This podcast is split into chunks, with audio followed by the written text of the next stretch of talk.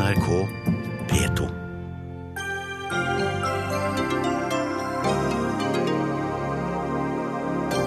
Terrororganisasjonen IS hevder å ha drept norsk gissel i Syria. Vi må ikke la IS viske ut gråsonen og det fargerike fellesskapet, sier Åsne Seierstad. Vel, midt i denne gråsonen står jeg og min moderate islam, sier Faad Qureshi, som ikke håndhilser på damer. Så hvor tolerante orker vi å være i denne gråsonen? Martin Kolberg oppfører seg som en selvoppnevnt politisk halvgud i VimpelCom-saken, sier redaktør. Jeg representerer demokratiet, sier Kolberg. Og slukket virkelig Eiffeltårnet lyset for første gang da terroren rammet Paris? Løgner ble spredd i sosiale medier etter terrorangrepene, men hvorfor lar vi oss lure?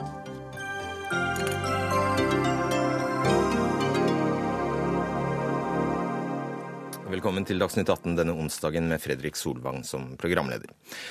Terrororganisasjonen IS hevder at de har drept den 48 år gamle Ole Johan Grimsgaard Ofstad, som ble tatt som gissel i Syria i januar i år. Statsministerens kontor sier i en pressemelding i kveld at bilder tyder på at et norsk IS-gissel er drept. Sigurd Falkenberg Mikkelsen, utenrikskorrespondent for, for tiden i Kairo, hva mer vet vi om det som har skjedd? Nyheten kom i ettermiddag da IS eh, ga ut uh, utgave nummer tolv av sitt uh, propagandablad uh, Dabik. og Jeg har gått gjennom dette bladet, og det er ikke nevnt ved navn, så vidt jeg har kunnet se, verken det norske eller kinesiske gisselet. Det er På den siste siden i bladet så er det bilder av to menn som ser ganske forslått ut, og med tittelen 'Henrettet'. Og det, har vært, det er ikke mulig for meg å bekrefte at dette er Ofstad, men det, det, er visse likheter mellom ham og de bildene IS tidligere har offentliggjort av Ofstad da, han ble, da det ble offentliggjort at han var gissel hos IS i september. Erfaringsvis da, kan man stole på informasjonen som kommer gjennom dette Dabik? Ja, altså Det de sier om egen organisasjon knyttet til disse tingene, pleier å stemme. Akkurat som det pleier å stemme når de tar på seg skylden for diverse terrorangrep. Eh, men igjen, eh, jeg har i hvert fall ikke kunnet bekrefte at det dreier seg om Ofstad på egen hånd. Og jeg ser også at Statsministerens kontor er eh, noe tilbakeholden med å bekrefte at det dreier seg om ham. Og dersom det skulle stemme, hvilke konsekvenser kan det få? Altså, uh, Dette var jo uh, fryktet uh, fordi så lenge Norge ikke vil betale løsepenger, så var dette en skjebne som IS truet ham med. Og vi vet at de tidligere har gjort det samme mot amerikanske og engelske gissel, hjelpearbeidere, journalister, der de ikke har blitt betalt løsepenger. Ja, vi får håpe i det lengste. Takk skal du ha, Sigurd Falkenberg Mikkelsen. Dagsnytt 18 på NRK P2 og NRK2. Høyreekstreme og IS er perfekte fiender og speilbilder. De næres av samme idé om at vi ikke kan leve sammen. Verden skal renskes for gråsoner og fargerike fellesskap. Ja, Det skriver du i en kronikk i Aftenposten i dag, forfatter Åsne Seierstad. Det er altså ønsket om å splitte oss som forener eh, terroristene. På hvilken måte? Eh, det handler om eh, at de ser verden svart-hvitt. Enten er du med, eller så er du mot. Eh, og det, er, det de hater aller mest, det er det i midten, og det er det jeg kaller gråsonen. Eller det faktisk IS kaller gråsonen. Og de har jo eh, skrevet en artikkel i dette bladet, Dabik, eh, hvor de går til kamp mot gråsonen. Og der er de moderate, de moderate muslimene, de sekulære muslimene, som de kaller forrædere, som de kaller hyklere og medløpere. Og der er vel de fleste av oss vanlige europeere. Og det er rett og slett det de går til kamp mot. Du må ta et standpunkt. Eh, og det samme er jo det. altså Deres fiender er forræderne mer enn eh, oss. Det samme var det for Breivik. Det var de han kaller forrædere, AUF-erne. Han skjøt ikke muslimene, som han anså som sine egentlige fiender, men han anså de som hadde sluppet dem inn i landet. Og det som også forener dem, er jo det å stille seg selv over andre. IS, om du er sunnimuslim, du er over alle andre. Breivik, en kristen hvit mann, er over alle andre. Og den eh, troen på at du kan eh, på en måte bestemme hvem som skal leve, hvem som skal dø, eh, underkaste deg folk. Noen folk er ikke-mennesker, som jesidiene for IS. Eh, Breivik ville også utradere islam fra Europa og uh, islamsk kultur. Ja, og det er, du, er det, sier du, et uh, hierarki som minner om det fascismen? Ja, absolutt. Fahad Qureshi, du er leder for uh, Islamnett, angivelig den raskest voksende islamske organisasjonen i, i, i Norge. Men dere er også blant de mest utskjelte. For dere er såkalte salafister, altså at dere mener idealsamfunnet er de tre første generasjonene etter profeten Mohammed. Stemmer det? Stemmer at vi ser opp til profeten Mohammed fred være med ham og de første generasjonene og deres forståelse av islam som den mest eh, autentiske forståelsen av islam. Så for, flertallet, eh, så for flertallet så vil dere oppfattes som ganske fundamentalistiske. Kan du være med på det? Jeg vil være enig i at vi har eh, konservative verdier, og vi forstår islam slik de første generasjonene forsto det. og jeg tror egentlig at de fleste moskémiljøene vil dele den samme oppfatningen. Mm. Og du oppfatter at du står midt i denne gråsonen som Seierstad beskriver? Ja, det vil jeg si meg enig i. Da eh, blir jo spørsmålet eh, hva er din, hva er din oppskrift? Skal, hvordan skal muslimer reagere på det vi ser? Jeg syns Seierstad har eh, veldig, veldig gode poenger som vi må ta i betraktning. Hvis vi som et felles samfunn klarer å forstå at vi må inkludere alle muslimer og vise at vi er et tolerant samfunn som tar hensyn til alle, så vil vi forebygge nettopp det IS ønsker å oppnå. At eh, vi polariserer og får to camper imot hverandre. Og det må da være i praksis også at eh, man tar hensyn til at folk har forskjellige verdier. Man må få lov til å tro på hva man vil uten at man eh, blir uthengt og føler seg som utstøtt av samfunnet. Det er mange unge muslimer som vokser opp i Norge i dag, som vil identifisere seg som 100% norske de, deres eh, kanskje forfedre var fra Pakistan, Somalia eller hva det skulle være for noe, men de er 100% norske. Men så kommer det til viss, et visst punkt i alderen når du begynner på ungdomsskolen, at du blir møtt med veldig mye fordommer. At du får ikke lov til å tro på det du tror på. Hvis du f.eks. tror at homofili er en synd, eller du f.eks. tror at uh, seksualitet er forbeholdt ekteskap, så blir du på en måte sett ned på. Du blir latterliggjort. Du blir nærmest trakassert hvis du ikke har for hatt et forhold utenfor ekteskap hvis du er ungdom. Hvis vi ikke klarer oss å vise at det er rom for alle typer mennesker i det norske samfunnet, og man føler seg utstøtt, så er det veldig farlig at disse ungdommene blir rekruttert av slike ekstreme miljøer som nettopp lever av å spre hat mot det norske samfunnet. Og da er det jo mange som reagerer med, med ja, til dels avsky på det man kan oppfatte som en slags utpressing. At hvis ikke vi får praktisere vår streng, strenge tolkning av islam her i Vesten, så stikker vi til Syria. Altså, Jeg vil ikke kalle det noen form for utpressing. Altså, Hvis du har to personer som ønsker å drikke te, og den ene er diabetiker, så kan du ikke putte, insistere på at du må ha like mye sukker i begge to. Du må ta hensyn til at folk har forskjellige behov. Det må ikke være Likestilling betyr ikke at det skal være identisk for alle. Det betyr at vi tilrettelegger for alle. Vi skal være rettferdige, vise at vi tar hensyn til alle. At vi har et mangfoldig samfunn som bryr seg om alle.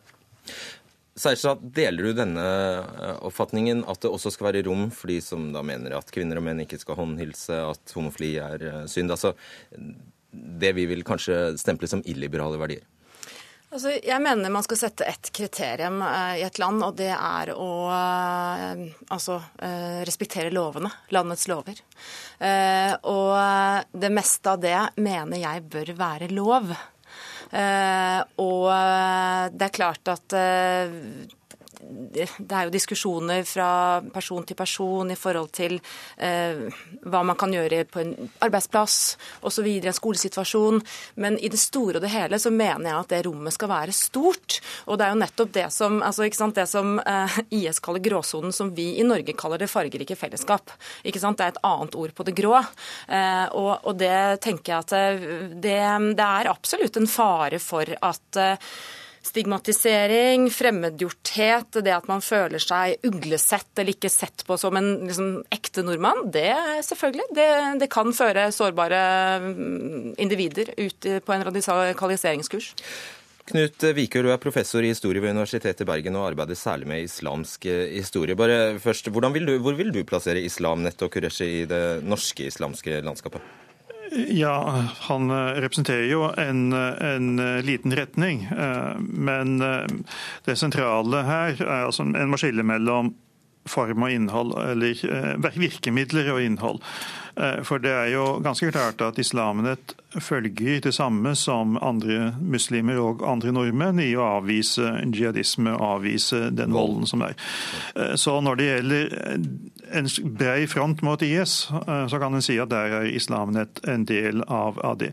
Eh, mens eh, når det gjelder de måtene de tolker islamske normer på, så vet vi jo at de tallmessig er, står langt ute i forhold til flertallet av norske muslimer praktiserer. Altså at de er mer konservative? Ja, naturligvis. Ja. Og Hvordan skal vi takle det? Er du enig med de to foregående her om at denne gråsonen må kunne romme også det? Ja, Det er jo naturligvis en, en uh, avveiingsspørsmål her. Uh, for det er klart at også uh, salafister som islamnet må tilpasse seg at de lever i et norsk samfunn. Og det grunnleggende er, som, som Seierstad sier, og som Qureshi vel også har sagt gjentatte ganger, at de følger norsk lov.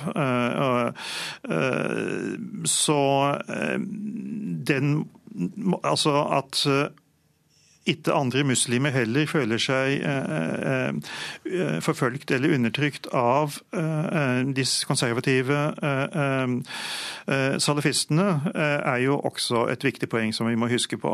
At, at dette med moralpoliti osv. det er, er ting som en sannsynligvis ikke kan akseptere i det norske samfunnet. Men at de har de oppfatningene de har, at de mener at det er riktig tolkning av islam å følge det og de tradisjonene fra profeten, at de vil gå kledd på den måten de gjør, eh, så lenge det ikke har negative eh, konsekvenser verken for andre muslimer eller andre nordmenn, eh, så er det jo grunn til å være ganske liberal når en ikke går over de grensene som, som det er snakk om her. Men Kureshi, det er jo så Altså, det, det Sersa kaller snerring tilbake, er jo, den, er jo refleksen vi ser etter angrep som i Paris. Altså at, at man Eh, går løs med eh, hår hånd og eh, krever strengere, eller stiller strengere krav osv. Merker dere merker det, hva, hva skjer da?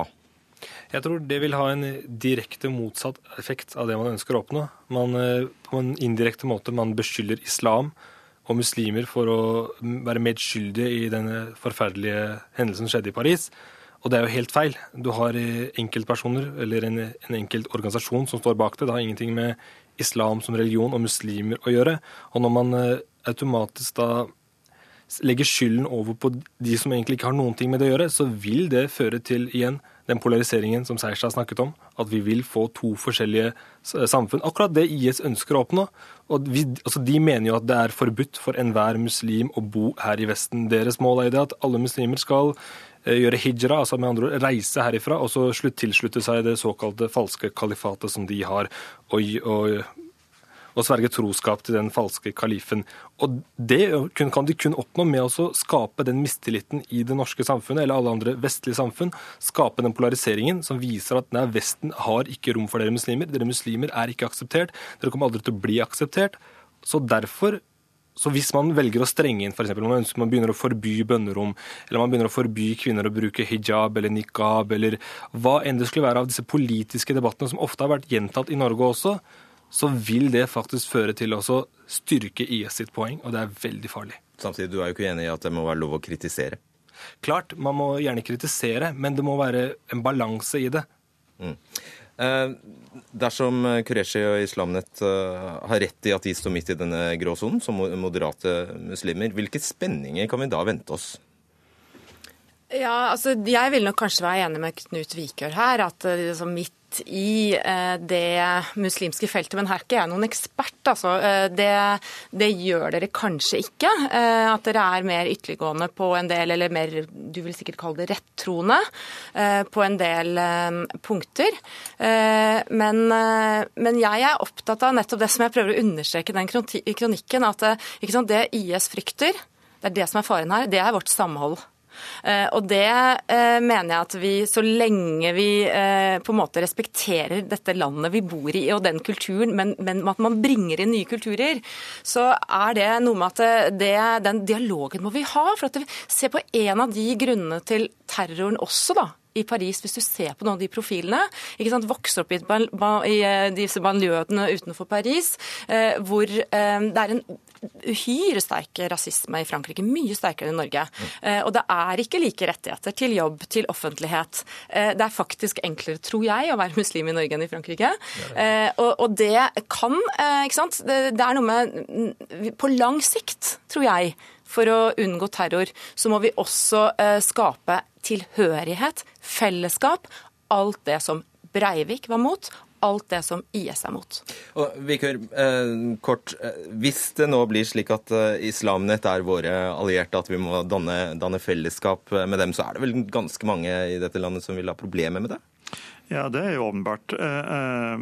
For det er jo klart at de holdningene de står for, det støter jo mot mye av det vi regner som liberale verdier i, i, i Norge. Men spørsmålet er jo naturligvis i forhold til de eh, som vakler, altså de som kan vi si er på vei inn mot eh, en, eh, en praktiserende jihad, altså en, en salafi-retning der en vil gjøre revolusjon og vil bruke vold, er om den retningen som kan vi si langt på vei er enig med disse når det gjelder det konservative synet på, på privatens samfunn og hvordan det skal praktiseres i dag, men her står på en hel annen linje når det gjelder bruken av vold, og kan, om de kan representere en slags lynavleder eller en mulighet til å hindre at disse eh, som er i faresonen, kan eh, gå over altså å reise til Syria og bli eh, terrorister.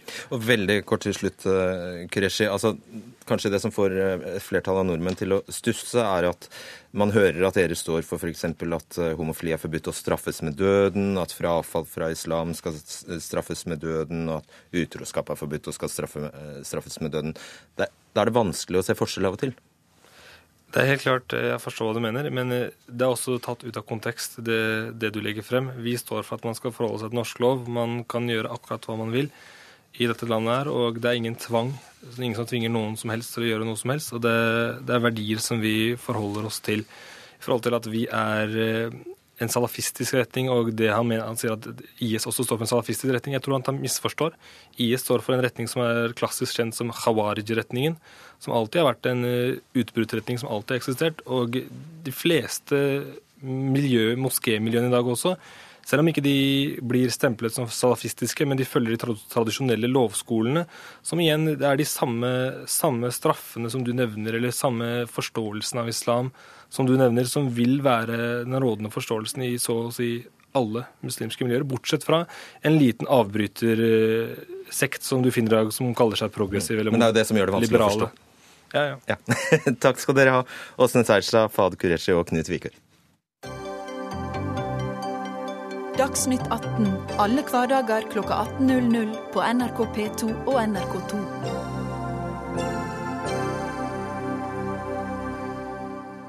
Politiet har intensivert arbeidet med å avvise åpenbart grunnløse asylsøkere ved grensa til Russland på Storskog. Ved utgangen av forrige uke hadde 4579 personer kommet denne veien for å få opphold i Norge. Og Politiets utlendingsenhet har styrket bemanningen ved Storskog med seks personer, og nå blir folk som ikke har søkt asyl, rett og slett snudd ved grensa og sendt tilbake til Russland. Er det ikke sånn, Kristin Ottesen Kvigne, du er leder for PU? Jo, det stemmer. Eh, nå er det slik at PU har 40 eh, mann der oppe som jobber med registrering av asylsøkere. Men i tillegg til det så har vi så styrket med et team som bistår Øst-Finnmark politidistrikt med bortutvisningssakene. Så det er de som snus på grensen, de som da ikke søker asyl, eller som trekker sin søknad om asyl. Og hvor mange er det da som har blitt avvist fordi de enten er dumme nok til ikke å søke asyl, eller av andre grunner ikke søker asyl? Ja, altså Hvorvidt de er dumme eller ikke, det skal ikke jeg eh, ta, ta stilling til. Men det er 116 som eh, siden september er eh, bortvist. Og det er absolutt en økning de siste dagene. Eh, vi tenker vel at det er fordi de eh, forstår realiteten knyttet til hva en asylsøknad i Norge egentlig kan innebære. Men du syns ikke 116 av 4579 er mange, vel? Nei, det er ikke mange. Det er ikke mange. Hvorfor er det så få? Nei, Jeg tror vel at de fleste har, eh, kommer i hvert fall med en, en sterk tro på at deres søknad om asyl skal bli behandlet av norske myndigheter, og at de skal få et opphold i Norge. Eh, de, vi jobber jo mot en eh, historie her om at det er store muligheter i Norge, og det er jo den historien vi må også realitetsorientere folk i forhold til. Mm. Eh, og så har det vært mye snakk om flyktninger som da kommer fra andre land enn Syria, og som har opphold, oppholdstillatelse i Russland. Eh, gjerne i flere år har de vært der, og så kommer de til Norge. Hva gjør dere med dem? Ja, Det blir jo på samme måte. Altså, hvis de, sånn som eh, reglene er i dag, hvis de søker om asyl, så vil de jo bli behandlet i det løpet. Og så blir det jo et spørsmål om hvor de skal returneres dersom de får endelig negativt vedtak. Om det blir til Russland fordi de har en oppholdstillatelse der, eller om de blir returnert til sitt hjemland. Ja, og da Hvis de kommer fra Karachi, men har hatt opphold i Russland, da, hva skjer da? Ja, Hvis det oppholdstillatelsen fortsatt er gyldig, så vil det være naturlig at de får anledning til å reise tilbake igjen dit. Dette her er jo eh, personer som da i utgangspunktet skal returnere frivillig til det landet eh, de vil, og der hvor de har et, eh, et opphold. Dersom de ikke returnerer frivillig, det er jo først da PU kommer inn med tvangsretur. Mm. Og så har vi dem som ved utreise fra Russland har fått stempel i passet om at de er uønsket i Russland. Eh, de neste fem årene. Hva skjer med dem? Ja, I utgangspunktet da så blir det vel en vurdering av hvorvidt eh, det allikevel er mulig å returnere de til Russland. Dette vil jo være en vurdering som eh, UDI må ta. Men ellers så blir det jo slik at de må returnere til sitt opprinnelige hjemland dersom de får et negativt vedtak.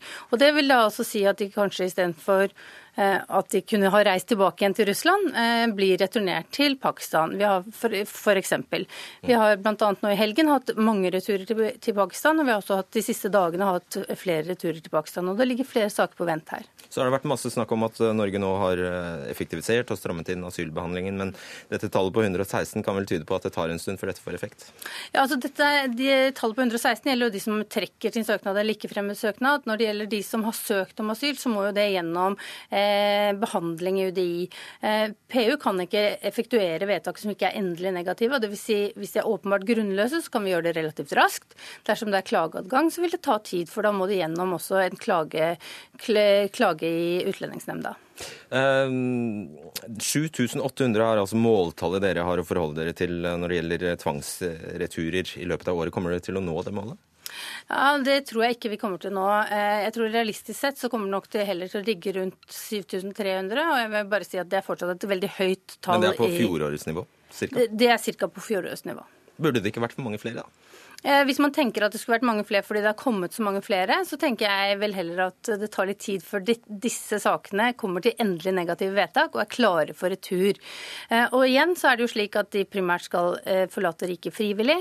Dersom de ikke gjør det, så blir det PU som skal effektuere denne returen. Disse sakene er da for en stor del ikke endelig avgjort i vårt system ennå. Har du en kvikkfiks her? Jeg har dessverre ingen quick fix. Eh, jeg tenker at nå er det et større arbeid eh, i gang i Stortinget som ser på muligheter for innstramninger osv. Og så gjør PU jobben sin i forhold til det. Men det er ikke noe tvil om at vi fremover vil kunne se på en veldig utfordrende situasjon knyttet til returer med så store ankomster, relativt store avslagsgrupper også, selv om de fleste får innvilget, og at det kommer til å bli komplisert. For det er ikke bare vi som returnerer, det er også andre land i Europa. Takk for den oppdateringen, Kristin Kvigne, leder i PU.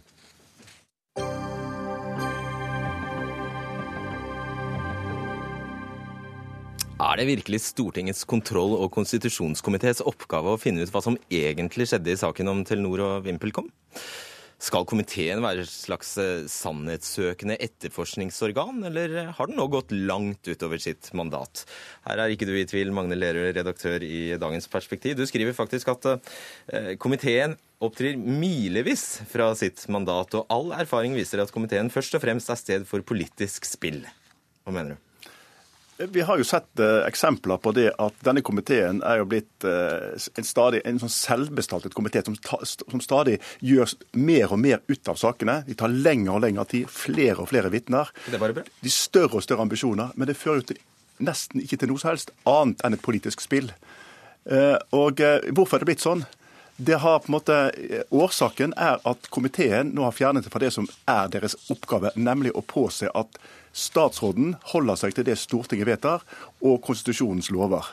Men, men, men nå, nå, skal de plutselig finne ut av har VimpelCom gjort seg skyldig i korrupsjon. Altså Dette jo, har jo vært etterforsket i månedsvis. Man har sett granskninger.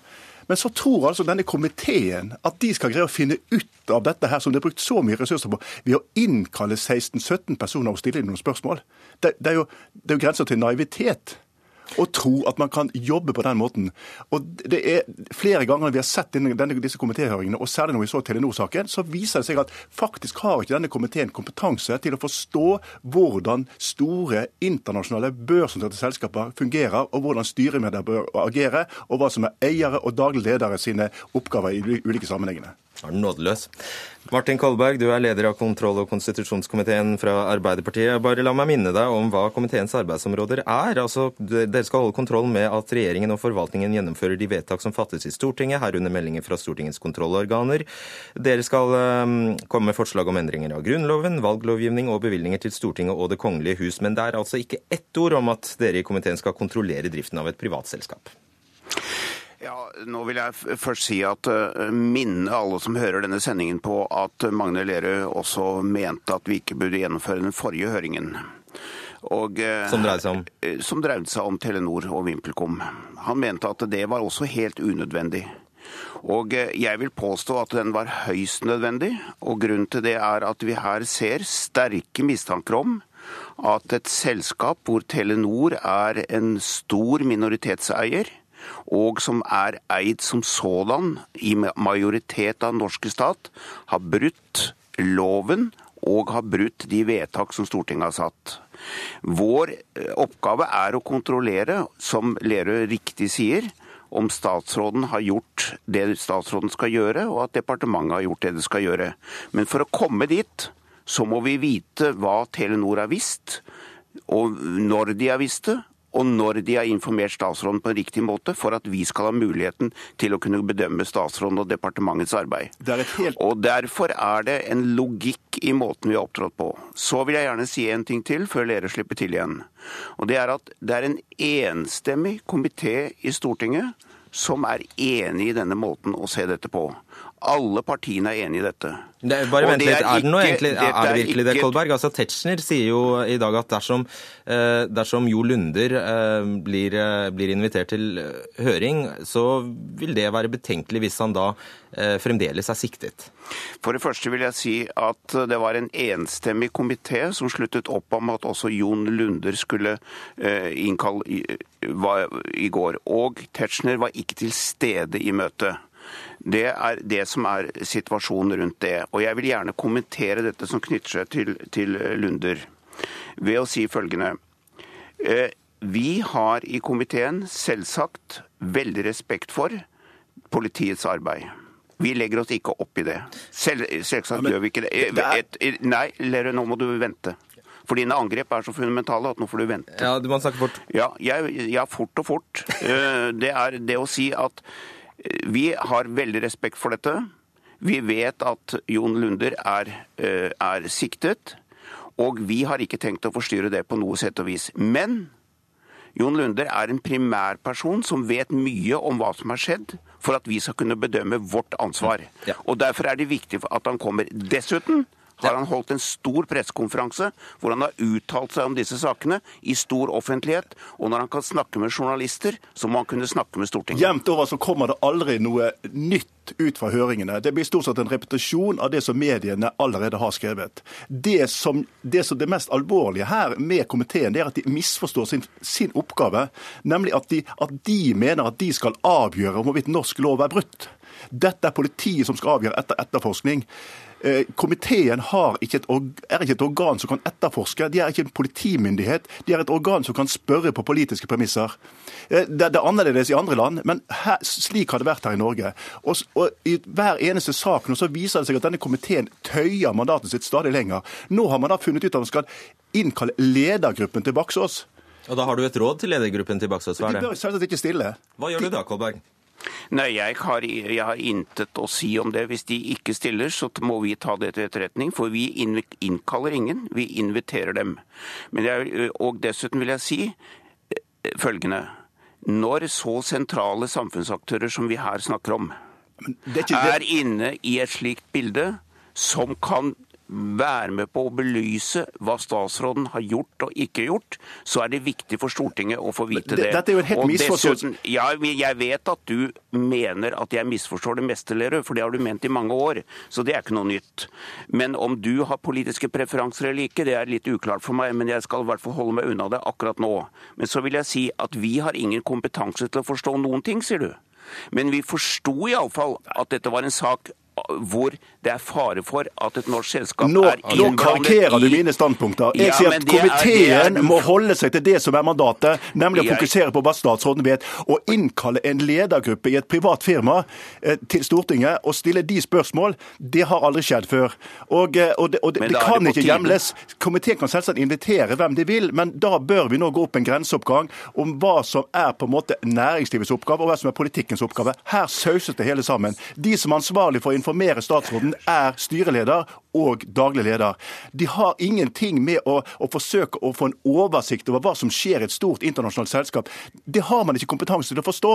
Og man har heller ikke fått kompetanse til å, til å få, få, få fram den sannheten. Ok, ti Program- sekunder. prog- ja, programleder. Vi hadde i hvert fall, i motsetning til Lerøe, da, god kompetanse til å skjønne at her var det ugler i mosen, hvilket viste seg at det var, var riktig. Og det syns, jeg, det syns jeg at han burde ta inn over seg, og ikke forsøke å undergrave Stortingets autoritet i denne saken. Takk skal dere ha, Magne Lerøe og Martin Kolberg med oss fra Karasjok.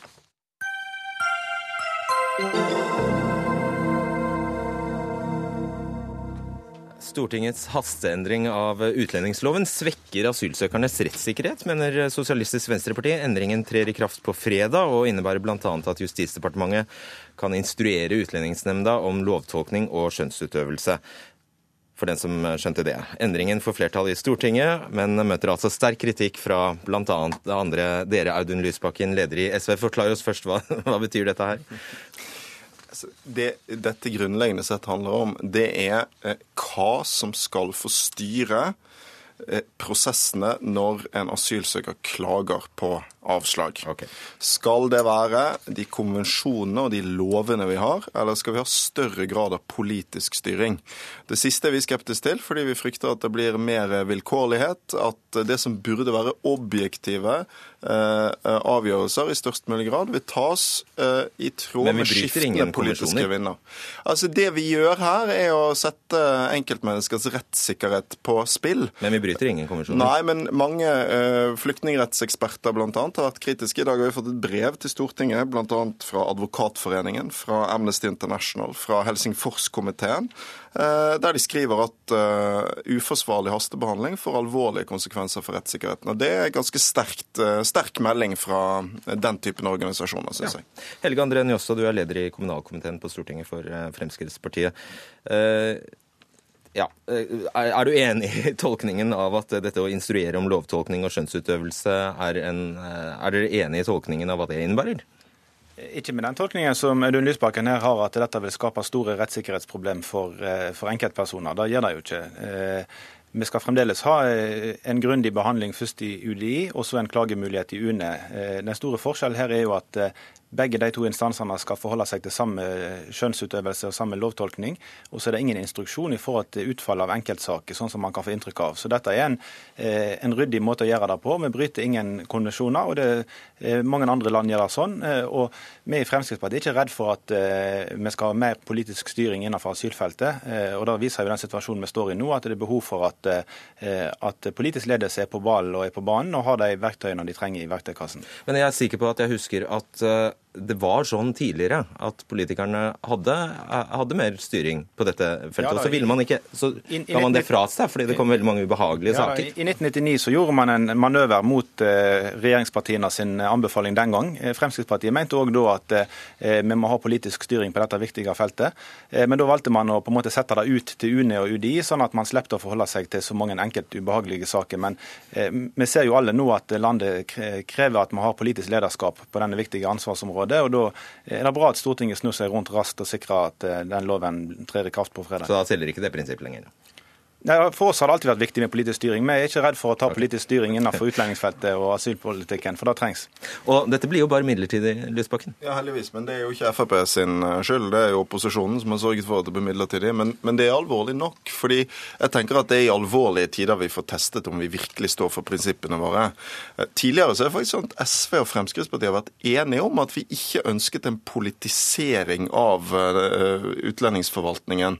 Altså både de som har ønsket å ta imot færre flyktninger, og vi som ønsket å ta imot flere, har vært enige om at det er ille hvis avgjørelsene i saker skal påvirkes av hvordan det går med Frp på meningsmålingen eller SV på meningsmålingen. Det må være forutsigbart, det må være Men, objektivt. Du kan jo heller ikke mene at byråkratiet bare skal, skal leve et eget liv? Vi må styre gjennom lover, det må være forutsigbart. Det kan ikke være sånn at en regjering plutselig kan endre betingelsene eh, fordi eh, man f.eks. Eh, får en, en, samfunnsdebatt som den regjeringen syns er, er, vanskelig. Det er veldig lite prinsipielt.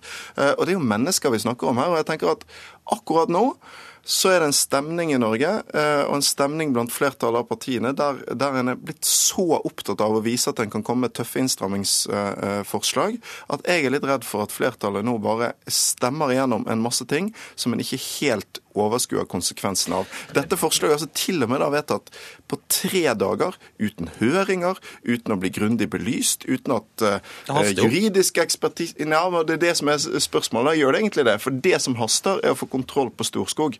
Dette forslaget hjelper ingenting. Sånn sett mener jeg det er en tilsnikelse av regjeringen å komme med noe de gjerne vil ha, og hastebehandle det på den måten. Det er faktisk et poeng. Det tar jo lang tid før dette her får effekt.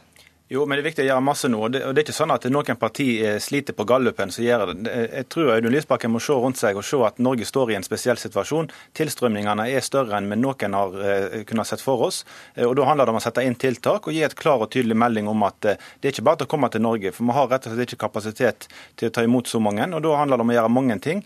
og For oss handler det først og fremst om å få på plass mange innstramminger. Vi har lyst til å bli det strengeste landet i Europa i Norge, sånn at vi sender en tydelig melding. og Dette er ikke hastebehandling. Dette handler om at eh, i hele høst så har eh, debatten dreid seg om denne situasjonen. Eh, og Vi kommer til å gjøre masse og vi kommer til å foreslå masse fremover, fordi vi må få kontroll over situasjonen igjen. Litt seint ute i debatten nå, men kan, kan, du være så snill prøve å forklare hvordan får dette faktisk effekt for, for den enkelte asylsøker? Hva, hva slags endring er dette egentlig?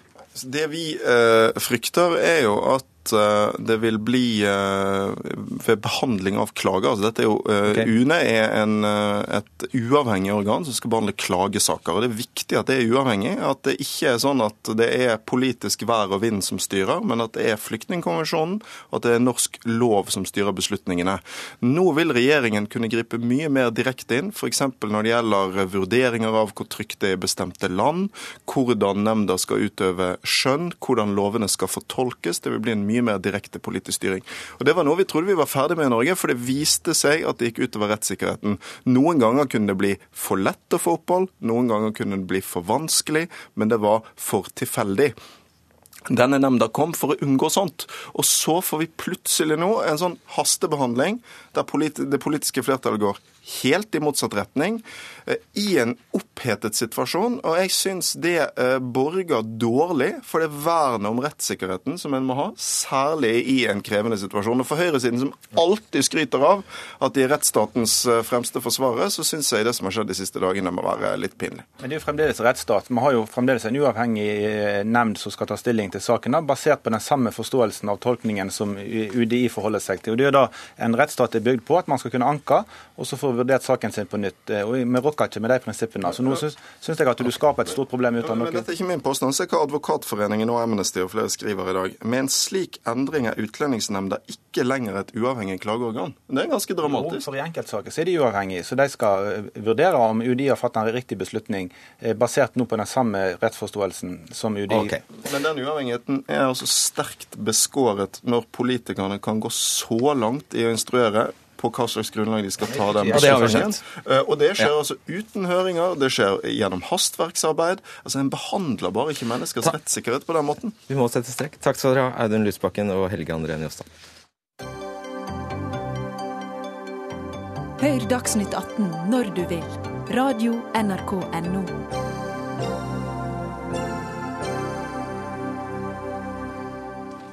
Terroren i Paris, i likhet med andre angrep fra IS, sjokkerer jo en hel verden og framkaller hard fordømmelse fra norske myndigheter. Men samtidig pleier Norge tett kontakt med Saudi-Arabia, et religiøst diktatur med mye av det samme tankegodset som IS, og med innbyggere som eh, sørger for å bidra med penger og våpen til nettopp IS. Dette skriver du i en kommentar i Stavanger Aftenblad, der du er kommentator Harald Birkevold, og du sier at eh, Vesten, herunder Norge, taler med to tunger når vi erklærer krig mot IS og omfavner diktaturene som støtter dem. Hva legger du i det? Eh, I det så legger jeg at eh, når det skjer eh, tragedier og terrorangrep eh, som det som skjedde nå i Paris, og, og særlig når disse angrepene kom i våre nærområder, så er politikerne veldig raskt på banen med krav om handling. Det, det har du sett nå i at eh, bombeangrepene over, over Syria ble intensivert. Og jeg ønsker rett og slett å peke på et paradoks, nemlig at eh, det er relativt enkelt teknisk sett å bombe mennesker på bakken. Det er veldig vanskelig å bombe en ideologi. Og i forlengelse av den tanken så tror jeg det er viktig å være klar over hva som er det ideologiske, religiøse fundamentet for eh, bl.a. IS. Og det forelegget, den inspirasjonen, finner IS i stor grad i eh, Saudi-Arabia og måten Saudi-Arabia er styrt på. Derfor syns jeg det er viktig i en sånn folkeopplysningsøyemed å, å minne folk på hva som er blant de viktigste inspirasjonskildene til denne organisasjonen. Hva skulle stakkars Norge gjort da? Ikke sendt kronprinsen dit? Ja, altså, Jeg syns det blir for enkelt å bare eh, komme med sånne symbolske handlinger som å la være å sende kronprinsen. Eh, selv om jeg mener nok personlig at kronprinsen kanskje burde ha tenkt seg om før han dro. Men det jeg etterlyser, er en debatt i Norge om hvorfor eh, Saudi-Arabia, sammen med f.eks. Kuwait og f.eks. Qatar, stadig vekk blir framheva som såkalte viktige allierte. Og hvordan den statusen som viktige allierte bestemmer eh, graden av kritikk disse regimene får fra norske myndigheter. Mm. Vi har jo da spurt Utenriksdepartementet, som takket nei til å snakke om dette, og Høyre på Stortinget sa at de ikke kunne stille. Men hjertelig velkommen til deg, Christian Tybring-Gjedde. Sitter i utenriks- og forsvarskomiteen for Frp. ja. du, hvorfor skal Norge i det hele tatt ha forbindelser eh, med mye av det samme med et land som eh, da bærer på mye av det samme tankesett som IS? Nei, jeg deler mye av det som eh, ble sagt. Jeg, jeg syns det er helt, helt galt. Jeg syns det er ikke veldig prinsipielt å ha samarbeid med Saudi-Arabia. Jeg har ikke noe problem med å kritisere det. Jeg går etter det jeg mener er korrekt. Jeg mener at Saudi-Arabia står for en, eh, en, politikk, en religion, altså salafisme eller wahhabisme, som eh, jeg tar fullstendig avstand fra. Og En liten tid tilbake så søkte de etter åtte bødler som eh, skulle ha kvalifikasjoner om å kunne amputere og halshugge. Jeg mener at sånne land har jeg null respekt for. Og Den gangen så gikk saudi-arabiske ambassadøren ut mot meg og mente at uh, bakgrunnen for det er at Saudi-Arabia er et annet land enn Norge, har en annen kultur. Derfor kan de gjøre slike ting. Uh, og Da mener jeg at vi burde ha konsekvensen av det. og jeg, ikke, jeg vil ikke legge skjul på at jeg syns at eh, Saudi-Arabia er et land vi ikke bør ha noe med å gjøre. Likevel er det altså sånn at vi selger det som kalles varer og tjenester til militære formål for om lag 3,4 milliarder til Saudi-Arabia. 3,4 milliarder, nei. Nei, unnskyld. Millioner, kanskje. Millioner 600 uh, Ja, dette er en NTB-melding. Nå skal jeg Her står det faktisk milliarder, men samme det. uh, det er altså slik at vi handler med dette, dette landet. Og Cecilie Helsveit, seniorrådgiver ved ILPI. Uh, kan man fastslå at det er en sammenheng mellom at det er f.eks. slik at Saudi-Arabia igjen finansierer IS? Altså, Saudi-Arabia er en, et spesielt land i verden. Det er et land som eh, har en veldig spesiell innenrikspolitisk situasjon. De har et spesielt regime, som er en allianse mellom en kongefamilie som egentlig ikke er så veldig religiøs, og så har de et presteskap som kongefamilien er helt avhengig av for denne legitimiteten. Eh, kongefamilien sitter på rikdommen. De er et veldig rikt land i verden. De står for veldig mye av oljen, og de står også for veldig mye av investeringene i verdensøkonomien. Det er et G20-land og et viktig land. Derfor er spørsmålet hvordan skal man på en måte forholde seg til Saudi-Arabia. For Saudi-Arabia innenrikspolitisk de har et rettssystem som er bygget på en klassisk, gammel eh, islamsk modell som ligner mye på IS. Når du ser på institusjonene i Saudi-Arabia og institusjonene til IS, så er det mer eller mindre akkurat det det samme. Begge eh, driver med bokstavtro-tolkning eh, av Koranen, men det er veldig mange forskjeller. IS mener jo at de gjør det riktige, men Saudi-Arabia bare er dobbeltmoralsk fordi at de har noen sånne islamske eh, navn, og de halshugger mennesker. De har sitt Chop Chop Square og har fått veldig mye mer halshugginger nå i det siste, men at på innsiden så er det pill råttent. Det er IS på en måte argumentasjon at vi gjør det ekte, mens de holder på med bare tull. Eller det, det, det er falskt, det de gjør.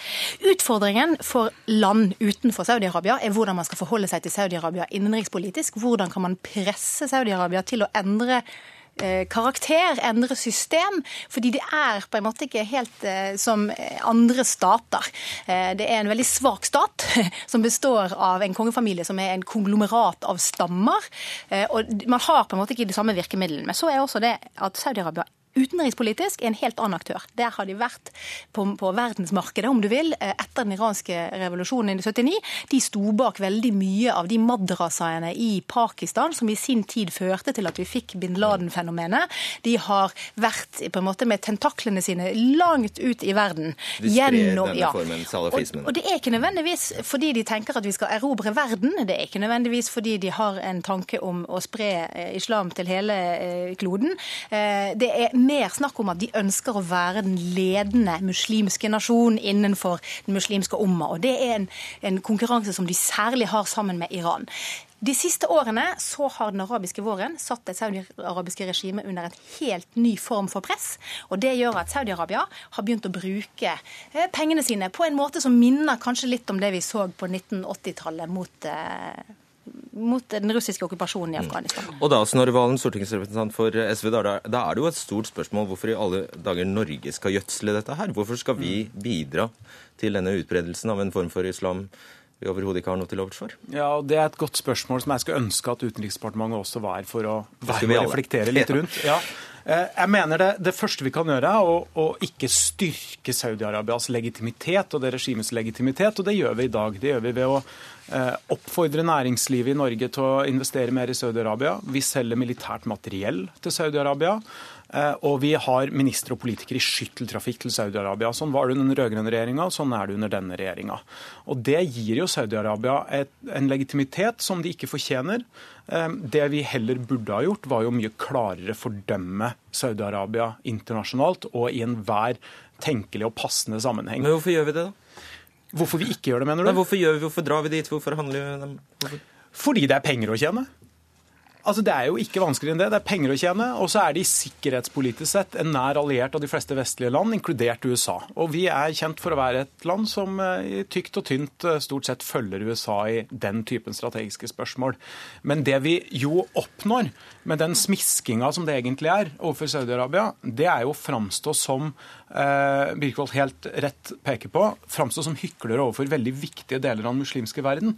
Hvordan kan vi med troverdighet fordømme ekstremismen og den reaksjonære ideologien til f.eks. IS, når vi driver business med andre like ekstreme og reaksjonære regimer, bare litt lenger sør? Eh Birkvold, nå er det vel ikke akkurat livsviktig for Saudi-Arabia å ha tett samarbeid med, med Norge. Er det noe norske myndigheter i det hele tatt kan gjøre som eh, gjør inntrykk på den saudiske kongen? Kongefamilien f.eks.?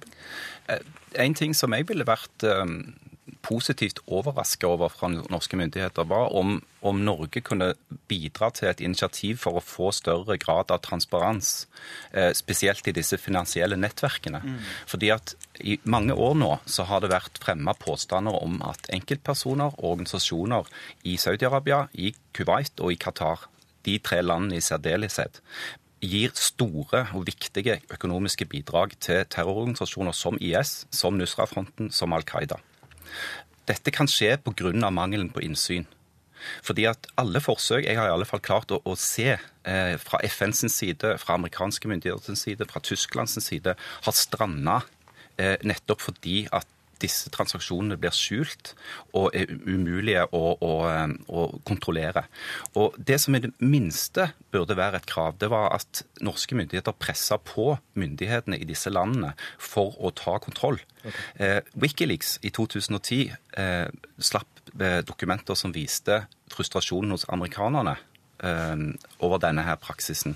Og det er ingen grunn til å tro at, at det har blitt bedre i årene som har, har, har gått. Mm. Tybring-Gjedde, altså nå Vår egen statssekretær Morten Høglund i Utenriksdepartementet kommer da tilbake fra Saudi-Arabia og bedyrer at jo da, han tok opp menneskerettighetene.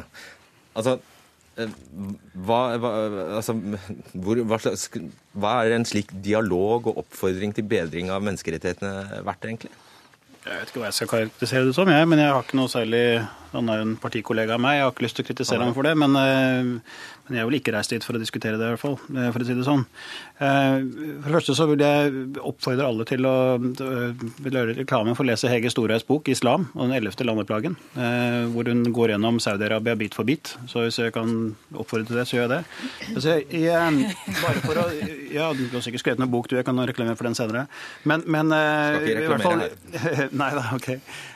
Men Saudi-Arabia finansierer altså moskeer og skoler over hele verden, også i Norge. Dette er skoler som da går for inn for den religionen og salafismen, som går for denne type form for religion, religiøs aktivitet. Og vi tillater dette. Jeg mener at vi kunne gå inn, Der kan vi gå inn uten at vi skal plage Saudi-Arabia. Vi kan gå inn selv og kontrollere, og jeg har også sagt denne regjeringen burde gjøre det. Gå inn og se hvor pengene til de ulike muslimske miljøene kommer fra i Norge. Det er noe vi burde gjøre med en gang. Har man mulighet for det? Det har vi mulighet for. Problemet er selvfølgelig når man skal til Saudi-Arabia og presse de på å bli mer transparente. Og Hovedproblemet med Saudi-Arabia er nettopp at de er en aktør som er veldig lite synlig.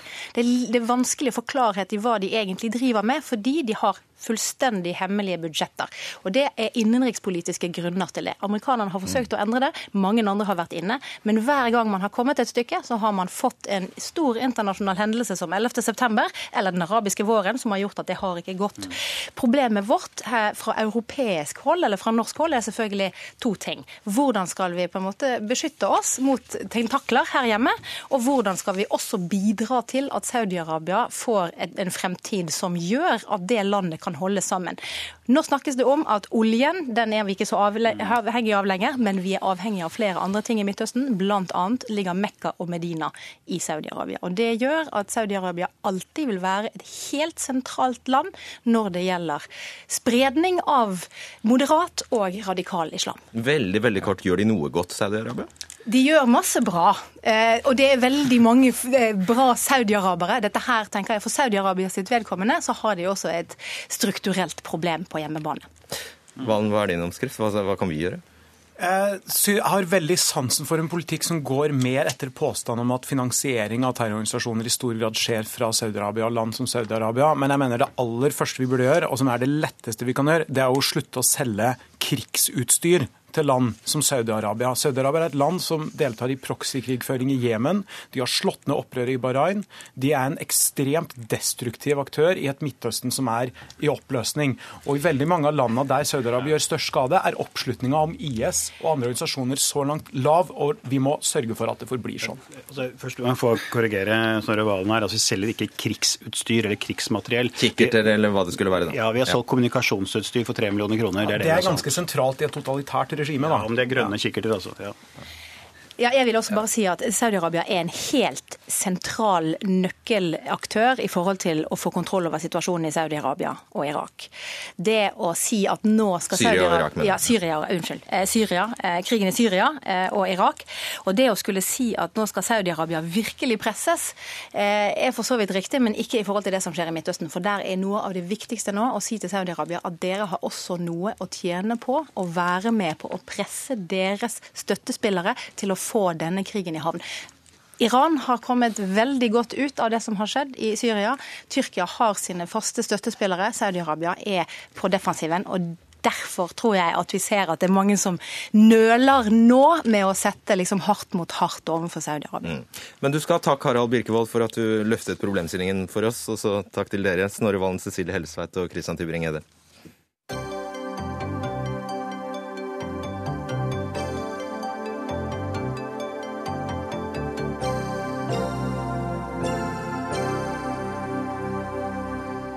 Altså, Lyste egentlig Empire State Building i de franske fargene etter at Paris ble angrepet av terrorister? Og reagerte Donald Trump på terrorangrepene med å påpeke at franskmenn ikke får bære våpen? Ståle Gruth, du er journalist i NRK Beta og utvikler, utvikler ny medieteknologi for NRK. Du har gått gjennom en del av påstandene som da er eh, spredd på sosiale medier i forbindelse med terrorangrepet i eh, Paris. Hva har du funnet ut? Jeg har funnet ut at uh, altså det er veldig mye bra på sosiale medier, uh, først og fremst. Og, og sånn, I en krisesituasjon så er det mye god og riktig informasjon også. Men, uh, men det som var litt sånn påfallende nå etter terrorangrepet i Paris, var jo at det også var mye feil, og at de feilene her fikk veldig mye oppmerksomhet. Og de tingene som du trekker fram, f.eks., de var jo ikke reelle. Det var en gammel Stemte ikke noen av det? Noe av det? Nei, altså det var en gammel tweet fra Donald Trump som ble trukket, trukket fram og, og, på en måte satt i konteksten av det her angrepet. Og så den Empire State Building.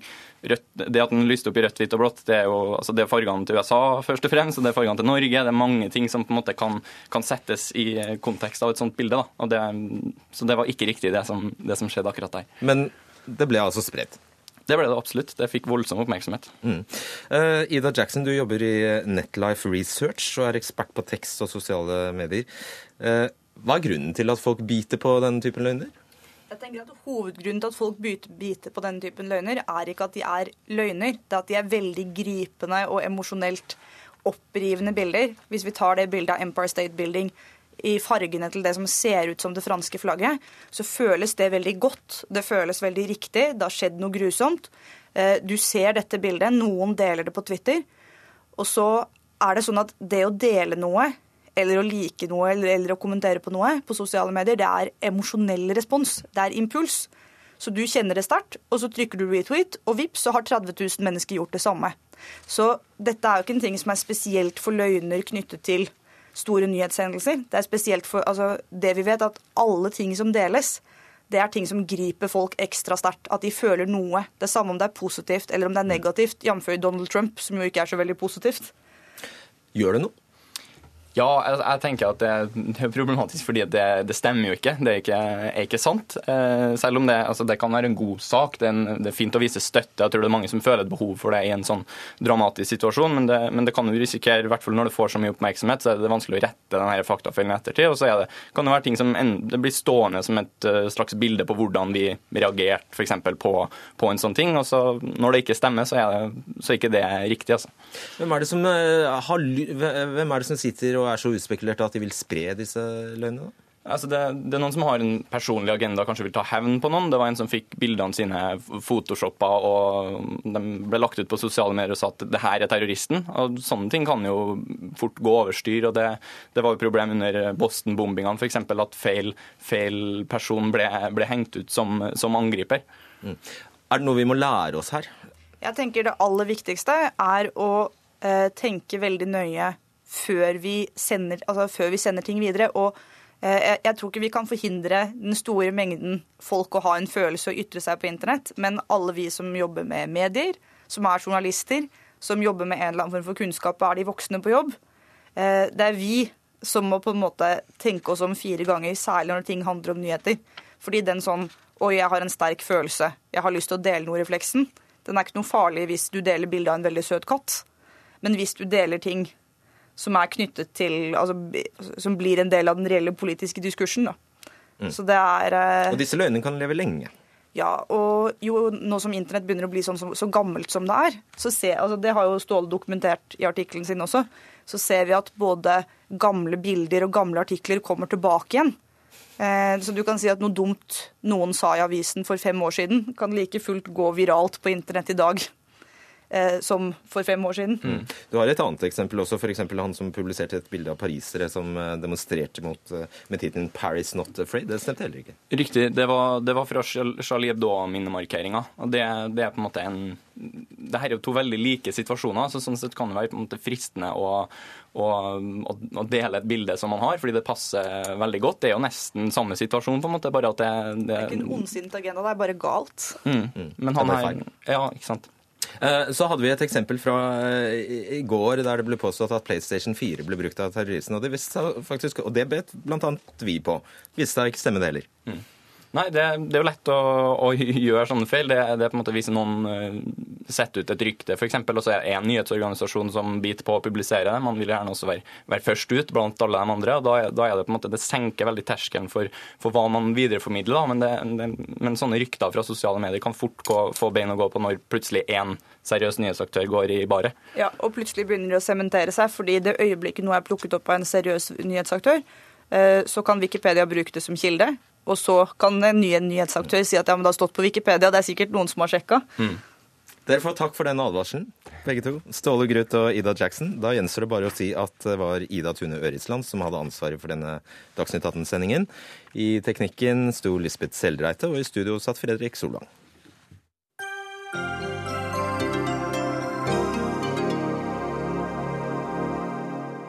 Hør flere podkaster på nrk.no podkast.